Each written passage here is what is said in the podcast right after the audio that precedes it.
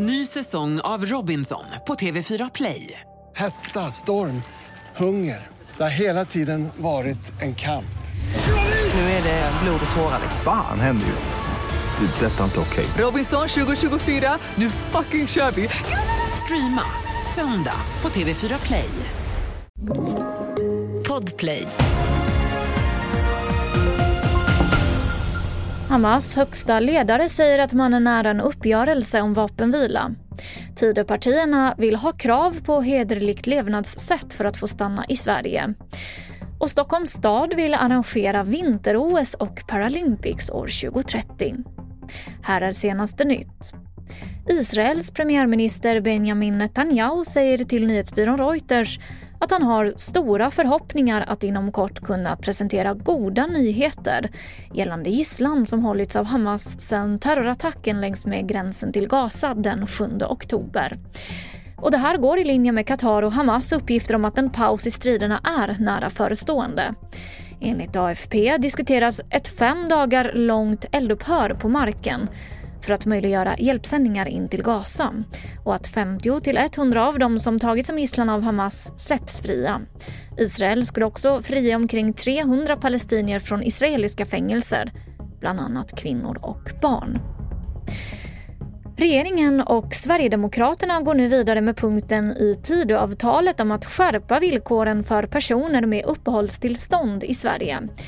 Nu ska en utredning titta på hur det kan bli möjligt att återkalla fler uppehållstillstånd på grund av brott, men också på grund av andra, vad regeringen kallar brister i levnadssättet. Äh, vi har goda förhoppningar om att det finns ett stort utrymme att genomföra åtgärder här och jag tycker att det är oerhört angeläget att vi har ett mer träffsäkert regelverk där det finns bestämmelser att ta till när människor agerar på ett sätt som hotar våra demokratiska principer och hela vår egentligen offentliga förvaltning. Och då tänker jag exempelvis på den här så kallade LVU-kampanjen som syftar till precis just det.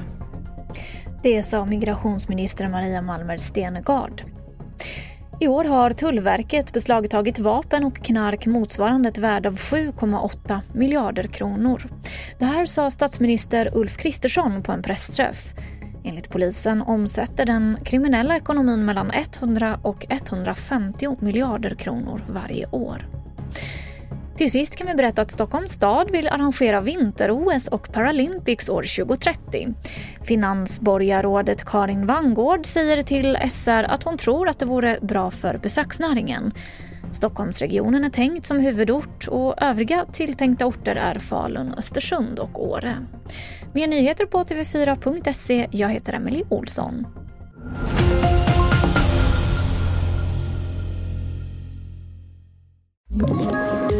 Ett poddtips från Podplay.